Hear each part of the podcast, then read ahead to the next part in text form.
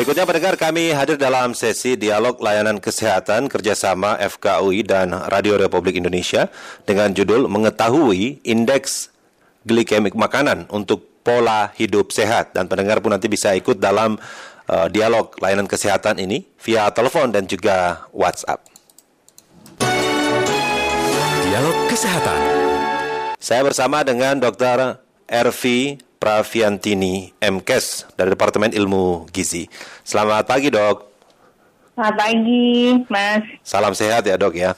Ya, alhamdulillah sehat mas. Semuanya. Sehat, alhamdulillah. Apalagi asupan makanan lancar begitu ya dok ya. Tapi kadang saya nggak tahu tuh takaran gizinya gimana. Jadi yang ada makan aja begitu dok. Sebenarnya untuk mengetahui indeks glikemik makanan untuk pola hidup sehat sebaiknya gimana dok sarannya? Ya, Uh, jadi kalau kita bicara mengenai pilar gizi seimbang itu kan sudah diatur ya takarannya. Kemudian yeah. di situ juga ada contohnya bahkan di uh, dalam gambaran gambarannya adalah isi piringku ya disebutkan di situ kan komposisi bagaimana sih kita tuh harusnya uh, mengatur pola makan gitu. Jadi kalau dalam satu isi piringku itu kalau misalnya ada uh, diilustrasikan dibagi dari berdasarkan kebutuhan zat gizi yang utama atau makronutrien kan ada karbohidrat, protein, uh, lemak ya, kemudian serat gitu. Nah, uh, karbohidrat itu dulu kan biasanya kita tahunya tengah dari piring ya kita makan 50% sampai 60% gitu. Yeah. Nah, kemudian semakin ke sini dengan adanya uh, data atau uh, apa peningkatan penyakit uh, non degeneratif atau penyakit tidak menular ya, terutama misalnya diabetes mellitus yang diduga akibat konsumsi uh, makanan yang mengandung kadar gula darah yang tinggi. Salah satunya adalah sumbernya dari karbohidrat seperti itu. Jadi kemudian uh, polanya diubah diupayakan tidak lebih dari sepertiga. Kemudian sepertiganya adalah serat dan sepertiganya lagi adalah protein dan lemak seperti itu. Nah jadi ternyata komposisi kebutuhan serat dan karbohidrat itu sekarang jadi berimbang. Kalau dulu kan kayaknya sayurnya itu cuman cuman kayak uh, aksesoris gitu ya. Yeah. gitu. Terus kita inget tuh makan sayurnya cuma di atas nasi yang penuh gitu piringnya penuh dengan nasi kemudian uh, sayurnya cuma di atas gitu. Nah kalau seperti itu kan uh, apa namanya kebutuhannya jadi uh, apa tidak sesuai gitu bahwa sebenarnya kita itu ternyata butuh serat pangan yang tinggi juga gitu karena ternyata kalau serat pangan yang tinggi itu bisa berkontribusi kepada nilai indeks glikemik yang rendah. Nah, tapi kemudian masyarakat bertanya-tanya, apa sih sebenarnya indeks glikemik gitu ya, IG atau kita sebutnya IG bukan Instagram tapi ya. Iya, iya, iya. Jadi secara ilmiah sebenarnya ada ada penjelasannya uh, apa namanya dari hasil penelitian dan lain-lain, tapi mungkin secara singkatnya begini, indeks glikemik itu adalah nilai yang menunjukkan kemampuan suatu makanan yang mengandung karbohidrat dalam meningkatkan kadar glukosa atau kadar gula darah. Yeah. Jadi konsepnya ini digunakan untuk mengelompokkan makanan berdasarkan kemampuannya ketika kita konsumsi, kapan sih dia meningkatkan gula darah, apakah cepat atau lambat seperti itu. Nah, jadi uh, indeks glikemik ini dirancang uh, sebagai panduan ya untuk kita bisa memilih makanan mana sih yang tepat agar gula darah kita terkendali. Memang awalnya mungkin uh, karena tadi uh, meningkatnya apa namanya prevalensi atau kejadian penyakit diabetes mellitus atau penyakit kencing manis ya kita sering mengenalnya demikian. Nah itu panduan untuk memilih makanan untuk mereka. Tapi semakin ke sini trennya uh, kita mengenal ada namanya prediabetes ternyata. Jadi orang tuh sebelum masuk ke diabetes ada prediabetes. Nah salah satu pencegahan supaya tidak prediabetes berarti kan kita jangan sampai ke prediabetes gitu ya, ya. maksudnya supaya tidak jatuh ke diabetes takutnya kebablasan. Nah jadi uh, mulai ke, ketika kita tahu oh kita sehat nih alhamdulillah sehat kita nggak ada uh, genetik uh, apa namanya disorder untuk terkait dengan diabetes dan lain-lain. Nah berarti kita harus atur nih pola makan. Jadi sekarang bergeser nih untuk orang yang sehat juga mulai harus mengatur uh, makanan pemilihan karbohidrat yang mengandung indeks glikemik yang uh, sedang atau yang rendah seperti itu. Yeah. Nah, jadi uh, apa namanya dengan dengan pola makan yang sehat tadi yang diilustrasikan dengan isi piringku misalnya dari Kementerian Kesehatan ternyata sekarang kita uh, selain porsinya kita harus memperhatikan juga jenisnya gitu ya oh jenisnya itu harus yang seperti apa nah salah satu okay. uh, indikator memilih yeah. karbohidrat yang baik adalah memilih yang indeks glikemiknya uh, rendah, sedang atau rendah. Nah itu dia, kita mungkin akan coba menjabarkan mungkin dari segi makanan makanan-makanan apa begitu dalam jenisnya yang baik agar IG-nya begini. IG bukan Instagram, ntar orang pikirnya oh ya. reels ini atau story. Tidak ya, tahu. Kita tahan sejenak dok ya. Iya. Baik. Dan saya juga akan bacakan ada beberapa WhatsApp yang masuk setelah yang berikut ini. Saya masih bersama uh, dengan uh, dokter nantinya untuk mengetahui indeks glikemik makanan pola hidup sehat, dialog layanan kesehatan kerjasama FKUI dan RRI. Kilas Berita. Kilas Berita. Pendengar Menteri Ketenagakerjaan Ida Fauzia melakukan pertemuan bilateral dengan Sekretaris Sekretariat Negara Bidang Ekonomi Swiss, Boris Surcher, dalam rangka memperkuat kerjasama kedua negara dalam bidang ketenagakerjaan. Menurut keterangan Kementerian Ketenagakerjaan yang diterima pada Jakarta di Jakarta pada Jumat kemarin, Menteri Ketenagakerjaan Ida Fozia dalam pertemuan itu mengemukakan tentang sejumlah kerjasama yang telah terjalin antara Indonesia dan Swiss. Ia menyampaikan bahwa bidang perburuan dan ketenagakerjaan terdapat Agreement of Exchange of Young Professionals dan Memorandum of Understanding atau MOU tentang kerjasama perburuan dan ketenaga kerjaan yang di antaranya masih berlaku. Untuk informasi selengkapnya dapat Anda baca di rri.co.id. Kilas Berita Pro 3 Jaringan Berita Nasional Dialog Kesehatan Saya masih bersama dengan uh, eh, Dr. Ervi dari Departemen Ilmu Gizi untuk dialog layanan kesehatan kita jelang siang ini. Dok, tadi sempat kita jeda begitu ya, jadi makanan-makanan apa begitu, jenis makanan yang mungkin baik dari segi gula darahnya, hingga mungkin mengetahui diri kita ketika merasa kekurangan ataupun over akan glukosa atau gula darah itu. Silakan dok. Ya, jadi uh, tadi kan kita sampai ke cerita tentang apa sih itu indeks glikemik gitu ya. Mungkin yeah. Ya. uh, tadi mungkin ada beberapa yang belum atau baru mendengar uh, tentang indeks glikemik ini gitu. Uh, saya boleh sedikit menceritakan dulu di awal sebelum kita memilih uh, makanan apa, kemudian faktor apa sih yang mempengaruhi indeks glikemik gitu yeah. Jadi sekali lagi indeks glikemik ini merupakan uh, indeks pangan ya yang menurut efeknya atau tadi cara kerjanya setelah dikonsumsi itu bisa meningkatkan kadar gula darah. Nah, kemudian pangan yang pangan atau bahan makanan yang mempunyai IG atau indeks glikemik yang tinggi itu bisa dikonsumsi akan meningkatkan kadar gula darah dengan cepat dan tinggi. Nah, sehingga kalau kita bilang, oh, kalau kita misalnya baca gitu ya di dalam uh, label makanan gitu, oh ini indeks glikemiknya tinggi, berarti ketika kita akan ketika kita mengonsumsi maka uh, dalam sekian uh, menit atau sekian waktu gitu kan uh, dia bisa meningkatkan kadar gula darah. Nah, sebenarnya kalau dalam kondisi orang yang atlet ya, orang yang akan berolahraga, kan dia butuh energi. Nah, yeah. biasanya memang dia mengonsumsi indeks glikemiknya tinggi supaya loading ya, cepat loading gitu sehingga dia uh, bisa endurance-nya baik gitu. Tetapi kalau misalnya untuk aktivitas sehari-hari, uh, rasanya kita cukup memilih indeks glikemiknya sedang atau indeks glikemiknya yang rendah. Supaya apa? Ketika kita konsumsi, maka peningkatan kadar gula darahnya itu tidak terlalu cepat gitu, cukup lambat saja gitu ya sehingga nanti mencapai puncaknya juga nggak terlalu langsung tinggi seperti itu. Karena kenapa? Karena kecepatan pencernaan karbohidrat di dalam tubuh itu mempengaruhi uh, peran dari karbohidrat terhadap uh, sisi kesehatan. Konsepnya adalah uh, konsep IG ini kan sebenarnya menunjukkan bahwa tidak semua karbohidrat itu bekerja dengan cara yang sama gitu. Jadi uh, kalau misalnya IG-nya rendah, baliknya tadi kalau kita bilangnya tinggi tadi sudah kita sampaikan, kalau pangan atau makanan dengan IG yang rendah itu akan dicerna, diubah menjadi glukosa secara bertahap, perlahan-lahan, sehingga puncak gula darahnya juga akan rendah. Artinya, nanti fluktuasi atau peningkatan kadar gula darahnya juga akan relatif pendek gitu, jadi nggak terlalu set naik gitu ya. Dan uh, itu penting sekali untuk mereka yang ingin menjaga pola makanan yang sehat, kemudian juga apalagi untuk yang sudah punya gejala diabetes atau ada prediabetes, nah itu harus memperhatikan uh, pangan dengan indeks glikemik yang rendah seperti itu. Nah, kemudian uh, apa sih sebenarnya yang mempengaruhi yeah. uh, indeks glikemik pada pangan itu ya yang penting. Yang pertama adalah kadar serat pangan. Nah, kembali lagi ya serat pangan.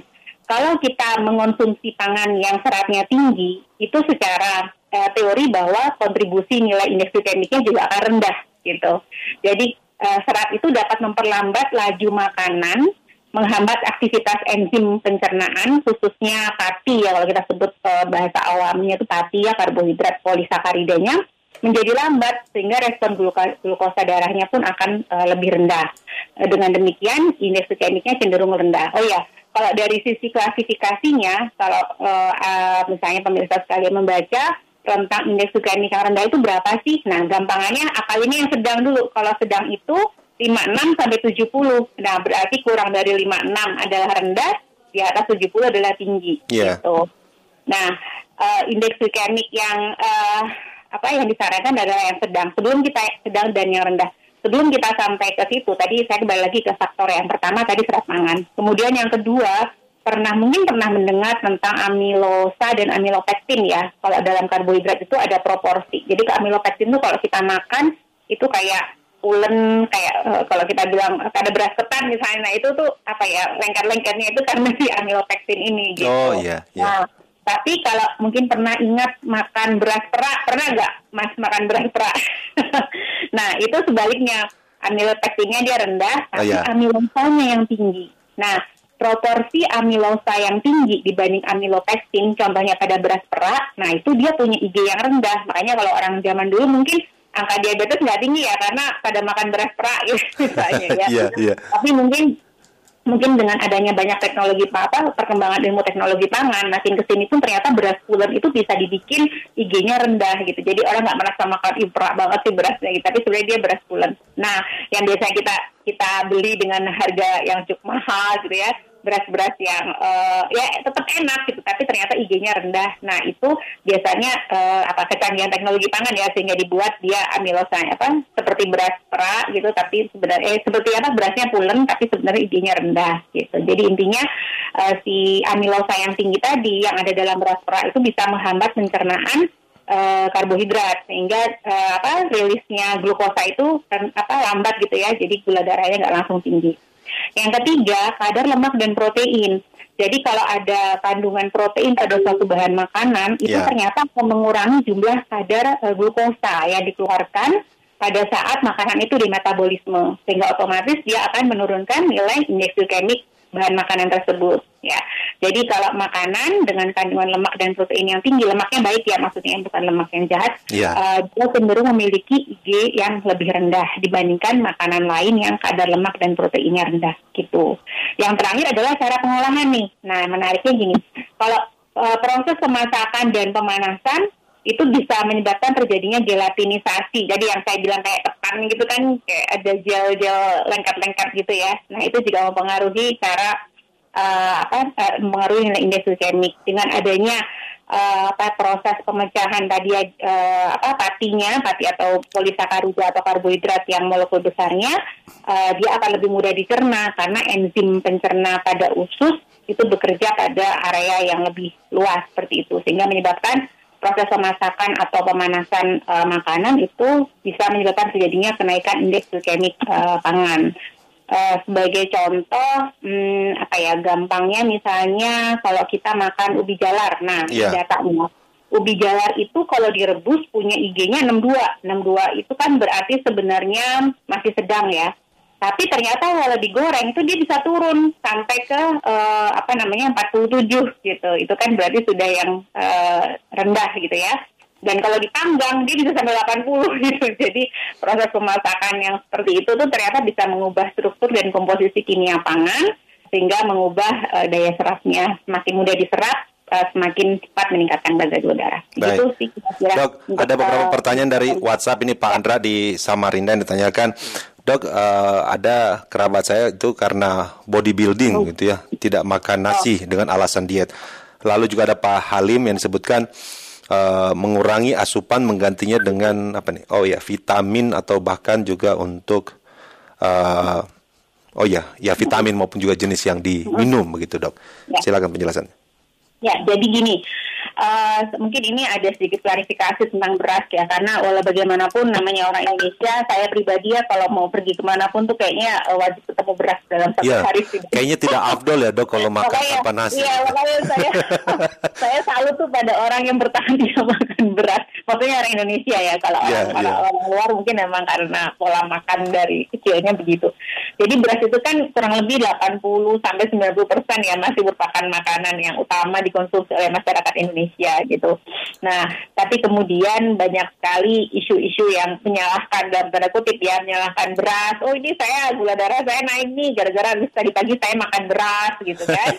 nah kemudian eh, atau saya makan nasi gitu yang yang disalah-salahkan tadi. Nah tapi sebenarnya begini kalau uh, memang kita bisa diversifikasi uh, makanan kita gitu. Kita bisa menghadirkan pola apa tuh sumber makanan karbohidrat yang bervariasi itu jauh lebih baik. Karena uh, setiap makanan uh, sumber makanan baik itu sumber makanan karbohidrat uh, protein uh, lemak atau serat itu kan sebenarnya beda-beda ya. Setiap makanan beda. Berarti keunggulan dari makanan itu beda-beda juga gitu. Ada yang kalau karbohidrat misalnya ada yang seratnya tinggi, ada yang seratnya rendah, gitu, ada yang mengandung kadar vitamin B yang lebih tinggi, ada yang mengandung kadar vitamin uh, yang tinggi misalnya ya masing-masing. Nah kalau kita bisa menghadirkan itu bervariasi dalam satu hari atau satu pekan atau satu bulan itu kan berarti kita bisa mendapatkan benefit dari berbagai macam uh, variasi sumber makanan tadi gitu. Nah uh, sehingga disarankan memang kita tidak uh, tidak melulu gitu ya, misalnya hanya pada uh, saat menggunakan atau mengonsumsi satu jenis karbohidrat. Disarankan seperti itu. Kita bisa pilih umbi-umbian ya, karena karena ternyata yang tadi saya sampaikan ya seperti uh, ubi jalar itu kan, nah dia dianggap punya IG yang rendah gitu. Sehingga kalau misalnya berasnya tinggi, ya mungkin uh, porsinya saja gitu yang yang dikurangi gitu. Nah memang ternyata tadi saya sampaikan ya berdasarkan uh, perkembangan teknologi pangan atau teknologi itu kisaran indeks glikemik beras itu ternyata range sangat lebar. Yeah. Gitu. Jadi ada yang dia rendah, ada yang sedang, ada yang tinggi. Bahkan ada beras mungkin ini beras import ya kalau tidak salah. Dia itu tingginya melebihi gula, bahkan lebih dari 100 gitu. Itu ada juga. Jadi harus hati-hati juga. Mungkin saking pullingnya gitu ya. Nah, kemudian jadi menghindari konsumsi nasi itu sebenarnya uh, kalau saya lihat dari pasien-pasien yang yang berobat itu juga sebenarnya buat dia mereka penderitaan gitu karena saya tuh sebenarnya nggak bisa makan nasi tapi ya sudah daripada gula darah saya tinggi terus gitu. Nah sebenarnya kita tadi bisa meng, uh, me, apa namanya menyajikan makanan itu tadi dengan berbagai macam sumber kita belajar lah mengenal karbohidrat yang lain gitu yeah. kan sereal itu kan banyak gitu sehingga atau kita konsumsi uh, atau kita konsumsi beras dengan ber-IG tinggi itu dibatasi gitu karena bisa meningkatkan kadar gula darah, darah yang cepat gitu. Jadi kita benar-benar harus uh, bisa memilih dan yang paling penting adalah kita harus mulai rajin membaca nutrition facts atau label uh, label zat gizi dalam makanan apa pun ya mau itu uh, beras mau itu yang lainnya atau cuman cemilan atau apa kita belajar membaca nutrition facts-nya itu seperti apa. Yeah. Nah Kemudian uh, ada juga, kalau tadi saya sampaikan contoh beras yang IG-nya rendah itu kan beras perak ya, disebut beras perak. Nah coba kita uh, apa namanya kita lihat misalnya seperti ada beras basmati ya, pernah dengar beras basmati. Tentu itu indeks glikeminya sekitar 58. Jadi yeah. uh, dia uh, apa namanya kategorinya sedang gitu. Jadi masih lampu kuning lah, boleh lah gitu. Tapi tetap porsinya tadi jangan lebih dari ya. sepertiga. Yeah. Kemudian kalau beras coklat itu 50, makanya banyaknya sekarang orang beli beras coklat gitu. Rendah nah, kategorinya beras, dok ya? Betul, dia kategorinya rendah. Nah, beras putih ini di atas 80 gitu, ada sampai 87, maka dia kategorinya uh, apa namanya makanan indeks yang tinggi ya. Jadi oleh karena itu yang penting adalah kita tahu uh, apa sih yang kita konsumsi ini, berapa sih dia IG-nya sesuai dengan nutrition facts atau uh, apa ininya ya apa um, ada informasi bisa gizinya. Nah. Kalau misalnya kita beli beras yang dalam jumlah yang besar, misalnya satu karung atau apa, mungkin uh, ada beberapa kita bisa googling juga sebenarnya. Jadi uh, nutrition facts itu kita bisa googling kalau misalnya beras tertentu itu ada uh, ada komposisinya tapi misalnya kita bisa cari gitu ya di website atau apa gitu ada di tabel komposisi bahan makanan Indonesia itu juga dikeluarkan oleh pemerintah jenis-jenis beras ya nanti konsumsi seratnya berapa. Dari situ kita bisa tahu oh ini rendah sedang atau tinggi gitu. Baik. jadi sekali lagi makin tinggi uh, seratnya indeks glikemiknya dia akan semakin rendah. Dan satu lagi mungkin uh, pas jadi kita tuh sekarang ada klaim ya kadang-kadang. Ini adalah beras anti diabetes misalnya gitu ya. Yeah. Ya. uh, beras uh, untuk diet dan diabetes. Nah mungkin ada yang benar tapi hati-hati ada yang juga overclaim gitu. Uh, jadi tadi sekali lagi pentingnya kita untuk uh, membaca tadi nutrition facts atau label nutrition uh, facts ya. baik ya betul. Sehingga kita yang... bisa memilih beras yeah. yang uh, tepat gitu sesuai kebutuhan. Baik. Gitu. Yang parah itu kalau makan yang indeksnya sudah di atas 70, udah gitu kerjanya hanya makan tidur ya. Wah kacau itu. iya betul. Kebanyakan duduk ya, apalagi sekarang ya kita uh, adaptasi dengan hybrid ya. Baik, dok. Nah, karena waktu kita terbatas, dok. Ya. Terima kasih diskusinya, dok. Semoga ya. ini bermanfaat. Sama-sama. Iya. Uh, semoga bermanfaat untuk uh, pemirsa semuanya. Baik, terima kasih sekali lagi, dok. Iya. Demikian mendengar saya bersama dengan Dr. Ervi untuk uh, dialog layanan kesehatan kerjasama FKUI dan RRI. Dialog Kesehatan.